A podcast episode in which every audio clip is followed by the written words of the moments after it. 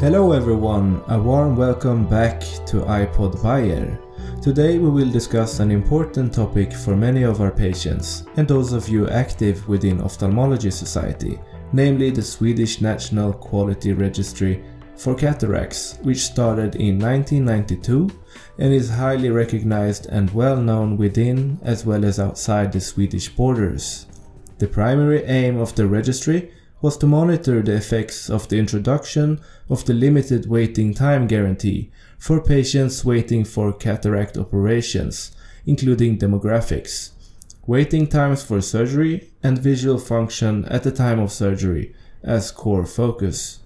It has further evolved to include outcome of visual function, quality data, and incidence of endophthalmitis. So far, the registry has contributed to numerous publications with important and helpful outcomes and guidance, valuable both for patients and for cataract surgeons all over the world. It is with honor and joy we welcome today Professor Anders Behndig, currently lead of the steering committee for the Cataract Registry, and Professor Emeritus Mats Lundström, founder of the registry. You are both members of the steering committee and highly devoted to your task. This podcast, led by medical advisor Beatrice Pibo and scientific advisor Rosa Gottby, will be divided in two parts. In the first episode, we'll talk about the history of the registry and how it has evolved until today. In the second part, we will elaborate in how the cataract registry is used for research and take a look into the future. So maybe you could start by presenting yourself a little bit, who you are and how you come how you came to work with the uh, cataract registry. Maybe Mats would like to start. Yes, I um, I am uh, an ophthalmologist. Uh, at the moment, retired from uh, patient work. I was uh, head of the department in Karlskrona for a quarter of a century, and then I was engaged in a register center for a number of years. And now uh, I have a consultancy and uh, working mainly with registries and with patient reported outcome measures. So um, I'm clinical director of the European Registry for Quality Outcomes for Cataract and Refractive Surgery and was also involved as clinical director for the uh, ECCTR, the European cornea cell transplant registry. So um, it's mainly registry things I'm working with. Thank you. And uh, Anders? Well, I'm a professor in ophthalmology too, uh, working in Umeå University. And uh, I do see patients about one third of my time. One third of my time is research, and one third of my time is uh, education of medical students mainly. Um, and in the research part, I am also um, uh, head of the steering uh, committee of the Swedish National Cataract, Cataract Registry. It, it, was actually Mats, do you remember that? Uh, you who asked me to to join the steering committee some, some years ago, and um, well, I was very honored. Of course, I, I knew very much about the registry all, all already then, and uh, I thought that this this was a very interesting thing to do, and and uh, it turned out I was right. It it has been very interesting over the years, and for the the past years now, a few years, I've been uh, also the the head of the the steering committee. Thank you. So Mats. Um, I thought we should start with you. And um, you've been involved with the registry since the beginning in 1992. Yeah. Could you please give a brief? I know this is very challenging and difficult, but do you think you could try to give a brief summary of how it all started? Yeah, it's a challenge to make it brief. I understand that. You know, uh, uh, in in the end of uh, the 1980s, uh, we were very surprised about the ever increasing volume of cataract surgery. We had an expert group uh, chaired by uh, William Thorburn in Umeå, and I was involved in the Swedish Ophthalmological Society. Uh, and we looked at uh, our colleagues within orthopedics. They had two very successful registries, one about hip replacement and one about knee replacement. So uh, the idea came up why not start a national Swedish cataract registry in order to find out about the indications for surgery and the volumes? Because we didn't realize the enormous impact of the new technique with intraocular lenses. So we, we couldn't believe that uh, uh, there were such a need for cataract surgery. Uh, so we agreed to try to set up a registry, and um, I and uh, William Thorburn and Ulf Stenevi, uh, pre- uh, professor in Lund at that time, we were uh, sort of elected as a, a, small working group, and then there was a, stir, uh, a bigger group behind. So we started in 1990 to try to figure out how, how this should uh, be set up. And uh, we focused on uh, indications for surgery, like pre-op visual acuity and age and demography. Uh, and uh, we also were actually interested in some patient questions, so we included that from the very beginning. But there was no follow-up, only pre-op and uh, surgical data. Uh, and uh, when we had a proposal, uh, it was accepted by the expert group and uh, by uh, the Swedish Ophthalmological Society. but we couldn't start because we had no money. We, we had no budget for this registry, and we did not agree completely about responsibility and ownership of data. So we put the whole project in sort of waiting box. Mm. Uh, when we made this uh, work, we had one expert from, from the uh, board of, uh, National Board of Health and Welfare uh, in the group, and we also had another person involved on, on uh, Swedish national level. and, you know, parallel to this, the authorities, mainly the National Board of Health and Welfare, find out that maybe we should do something to cut the queues because we had queues in many uh, uh, kind of surgeries at that time. Mm. So uh, they planned to institute a maximum uh, waiting time guarantee starting the 1st of January 1992. And uh, one of these persons approached us and said, listen, if you include date on waiting list and date on surgery in your list of parameters, so you can calculate waiting time, then uh, we will pay for this and take responsibility for the registry. So that was really a breakthrough. That was really good news. That was good news. uh, parallel to this, you know, in order to cut queues, uh, the National Board of Health and Welfare uh, spent 400 million Swedish crowns to cut the queues. So they offered to all counties in Sweden to receive some money in order to cut queues. Yes, I remember. And everyone agreed about that, so they signed contracts. And with very small print below in that contract, you could read that uh, this maximum waiting time guarantee had to be followed up. And it should be fo- followed up by reporting data to the new Swedish National Cataract Register. And this wow. meant that we, we had a flying start uh, the first the first year in 1992, we had a 70% coverage, which is amazing uh, for uh, quite a new registry. That must be like Guinness uh, yeah. Book of Records. So, so, so that's uh, how it started. Wow, very interesting. So, if someone of the listeners would like to do the same, start a registry, do you think that could be possible? Absolutely, but as you understand from my story, it's not easy to copy this. But it's important. It's important that you have uh, support from your relevant uh, society within your profession. Mm. Uh, you can't do it uh, by your own. Uh, I mean, you, you need to have a support. Mm. Uh, and the um, most common way to, to uh, destroy the idea is to try to collect everything. and, and every you know every surgeon thinks that a lot of variables are interesting to collect, but uh, you have to start with a purpose. Why are we setting up this registry? And then what do we need Mm. uh, to fulfill the purpose? And that's it. Mm. Not not putting in every No. variable you can think of. So so that's that's an important thing. So, what kind? Uh, you mentioned that when you started the cataract registry, you were measuring waiting time and visual acuity at time of surgery. Uh, so, was that the parameters you had in the beginning?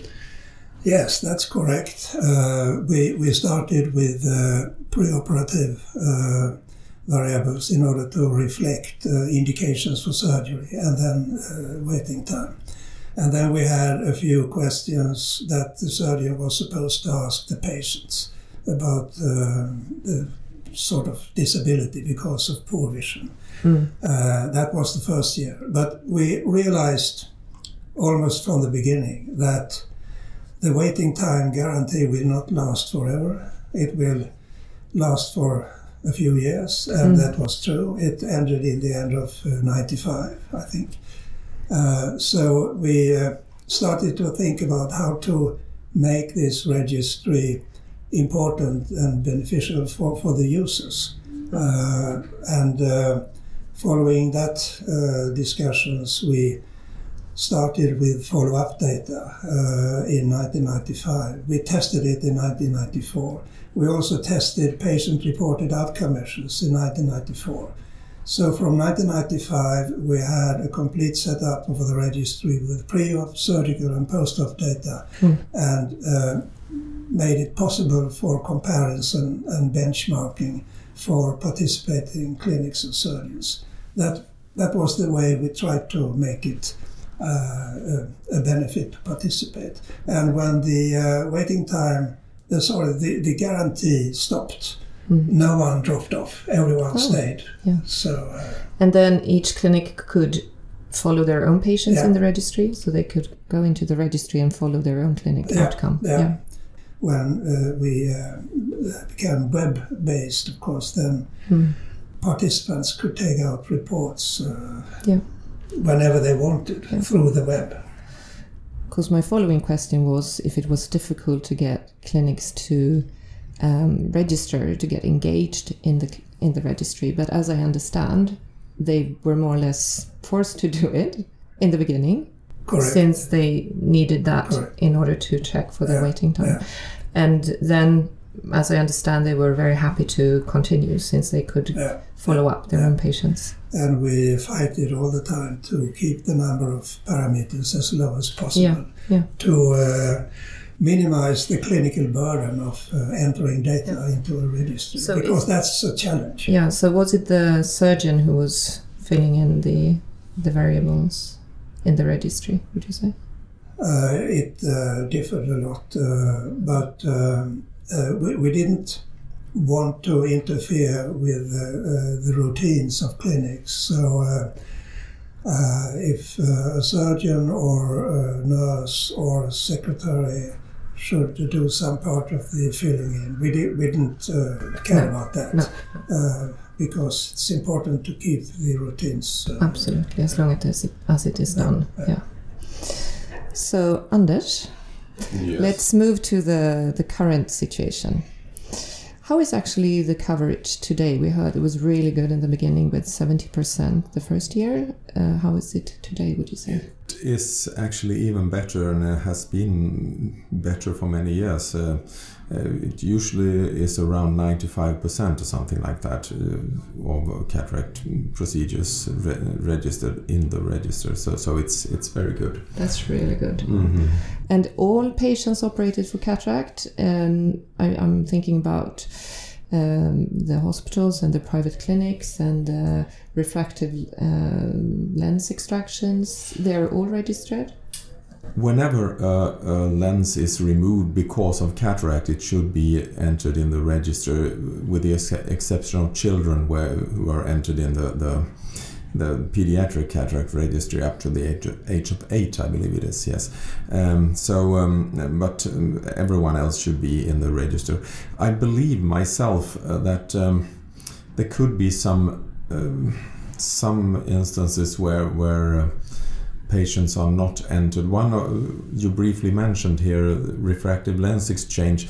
There may be sort of a gray zone whether it is a cataract or a refractive lens exchange. Sometimes it is a little cataract, but the main reason for operating is the refractive uh, purpose of, of getting rid of the glasses. So, so it can be difficult sometimes to tell. Other instances can include, for example, in, in university hospitals, such as the one where I work myself, sometimes you do several procedures in one eye at the same time vitrectomy and or a corneal transplantation, for example, and that is sort of the main operation. And then you also do a cataract, which which is sort of a byproduct, and then you might forget to register it. Okay, but okay. but uh, that, um, as a general rule, uh, I believe more or less everything is registered in the register today.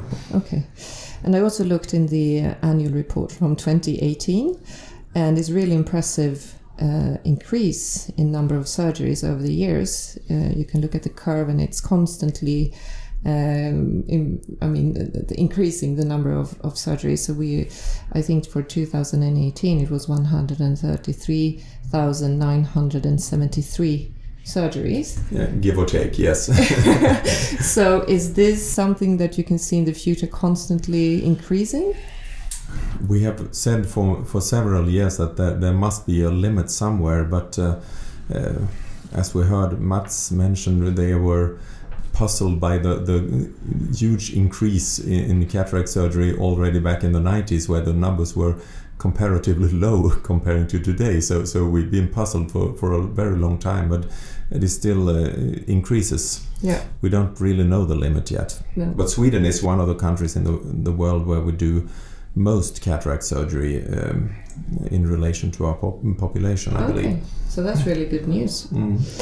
Uh, so it's mentioned uh, on the homepage it is important to assess demography and how that can affect cataract surgery outcomes. Can you elaborate a little bit on that? Yes, um, we can see, for example, um, a, a trend that uh, younger patients are operated today uh, compared to before, and um, this is sort of a trend that that's been evolving. This this is probably one of the reasons uh, why why the numbers of procedures have increased also, um, and. Um, um, with this uh, younger patients uh, being operated, we also see, see less complications, and, and this might sort of be a, a guide into to avoiding complications that you shouldn't wait until uh, the patient is very old and perhaps very sick and has a lot of cataract. These are usually more complicated cases. So, so demography in that respect, or, or if you look at other aspects too, you, you can sort of guide the the surgical direction in a direction that that is uh, that improves the results. So I, I think demography is very important.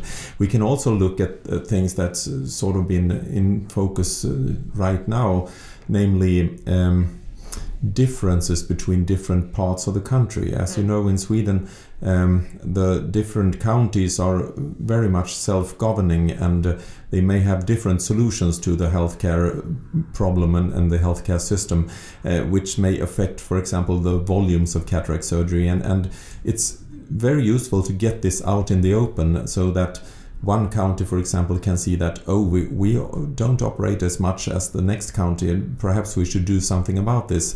Um, or uh, another county may say, oh, do we really need to operate this much? We're uh, number one in the country, so, so it, it could be we're sort of uh, doing this too much. So, so uh, um, I think it's very useful to, to, to get this data out in the open so everyone can see it and compare. Uh, Definitely.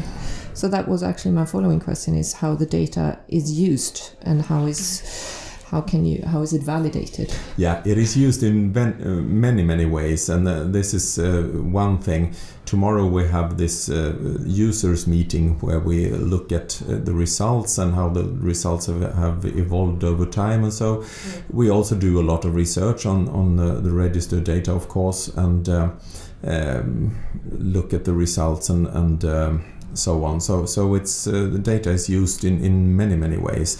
It can also be used as an argument, for example, uh, when um, a clinic want more resources to do surgery, it's it's good to sh- be able to show that we actually do much less surgery than they do in that city, where comparable city, Mm, and so mm, on. So mm, it's it's uh, So it's used also by the single clinics. absolutely, and by the single surgeons actually, you can Yeah. actually look at your own data and see how it compares to other other clinics or, or the, the whole country and so on, so, which is also very good. Of course. Um, I was also uh, thinking about the validation of the registry. Yeah, the validation. Yeah, we do uh, validations uh, regularly, um, and uh, we are actually planning a new validation right now. It is quite a lot of work to do a validation because of the, the system for for the uh, medical records. We usually, when we want to do a real validation, we have to um, take out a lot of medical records and Mm. look at them and compare the records to, to the registry, which, which is quite a big work. But we also have other um, routines that maybe may qualify as um, um, a kind of validation. Uh, for example, that that um, uh, some data are not possible to enter, uh, like numbers have to be within a certain interval. So, s- Okay. uh, and things like that. So, so we are actually uh, guarding ourselves a little bit uh, against. Uh, uh, data that, that is uh, sort of off the chart and Okay, okay. so But you would say it's it's uh, trustworthy. I, I would say I would say that yes as a general rule Um, I was also thinking, has the data from the registry influenced how patients are treated or operated for cataract today? You mentioned that you can look into the demography and you can see that the earlier you operate your patients, probably the the better the outcome or the less the complications. Would you say it's something that has affected the way you treat patients today? Yeah, I believe that uh, such a finding can uh, affect surgeons so that they perhaps operate patients uh, a little bit earlier. Or we have seen, for example, that when one eye is operated, the patient is generally happy, but the patient is more happy when the second eye is operated. So, so that's also an important finding that that you should shoot. Probably uh, regard this as a treatment of, of both eyes in many cases, and, and that we should uh, uh, follow through and, and do both eyes uh, to make the patients happy. We have another, our sort of biggest and most important example of, of uh, how the register sort of guides the surgeons is, is endophthalmitis, a complication to surgery when you get an infection in the eye. We saw early on that um, um, when you use intracameral cefuroxime that we started back then, the, the rate of endophthalmitis dropped. And this was seen through the register, and, and um, most surgeons immediately switched to this Mm, routine, um, which has been very slow, much slower in other countries, probably due to that they don't have The, the same type of uh, register. But yes. didn't you publish on that? So Yes, so it's it must published, be. uh, yes. but it hasn't really affected other countries. I don't know really why, but it's uh, it is. Uh, I, I believe it's six million patients who, who are included in, in Oh, wow. various studies now that show that uh, the uh, intracameral cefuroxime or other antibiotics intracamerally are effective in reducing endophthalmitis, and still some surgeons, quite many surgeons throughout the world, don't believe in this. So it's it's it's very strange, but we believe in it in Sweden, probably due to the register that we know that this is our own data, this is our own conditions, and so on. So we we um, we have to believe in it. Yes.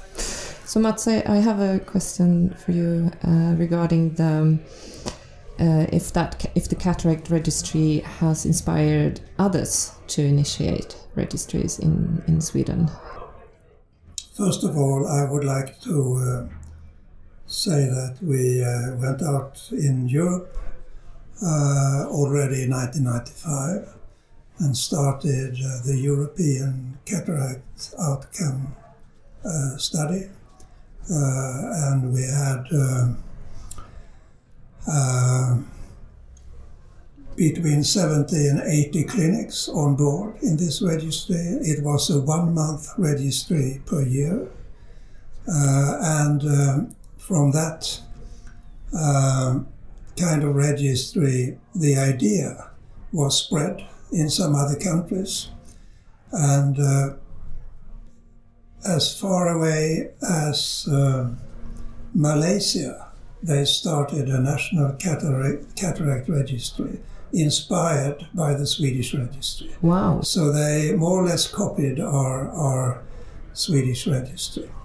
Uh, within Sweden, well, you know, creating clinical registries for um, surgeries or for chronic diseases uh, became more or less a movement uh, from uh, the beginning of 2000 and forward.